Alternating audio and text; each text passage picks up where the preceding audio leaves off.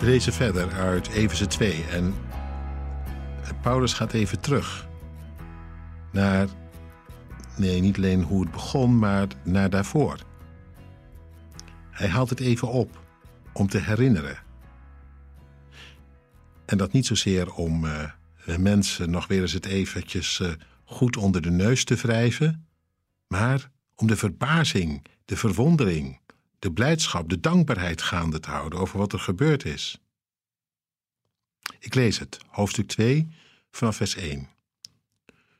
U was dood door de misstappen en zonden waarmee u voorheen de weg ging van de God van deze wereld, de heerser over de machten in de lucht, de geest die nu werkzaam is in hen die God ongehoorzaam zijn.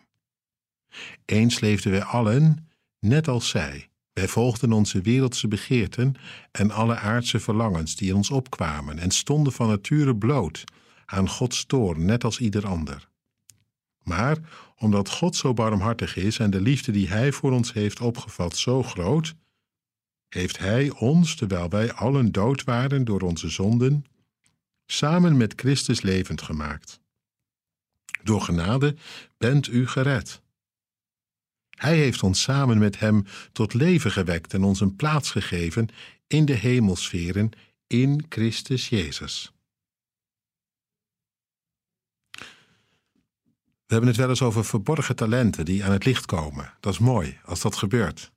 Het zat er al in en ineens door het een of ander komt het nu naar boven, naar voren en kan iemand het ontwikkelen. Verborgen talenten.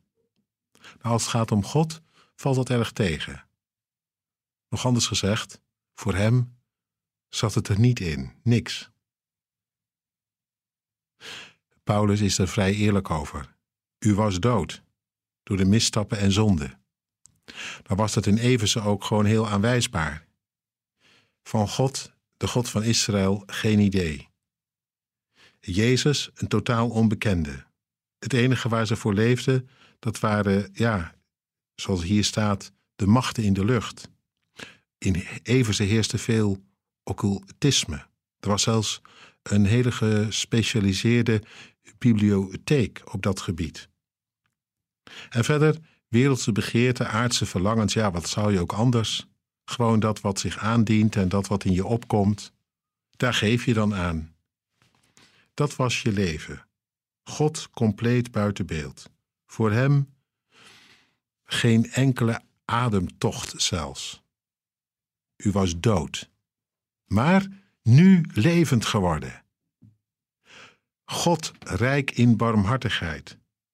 Prachtig, dat is het geheim. Gods hart ging naar jou uit. Op een manier die onvoorstelbaar is. Liefde die hij leefde tot in de dood in Jezus. Hij deed verzoening een moment dat jij nog geen idee had. Althans, dat gold voor die mensen in Eversen sowieso. Wat wisten zij ervan wat er op die vrijdag op Golgotha was gebeurd? Voor ons geldt het niet minder, al hebben wij er van jongs af aan van gehoord.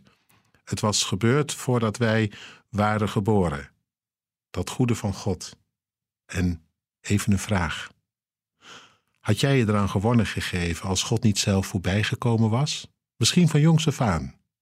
Maar toch. In ieder geval alle lof voor Hem, die al zat en zit het er bij ons niet in. Ons niet aan ons lot overlaat, maar in Zijn ontfermende liefde nabij kwam en liet weten.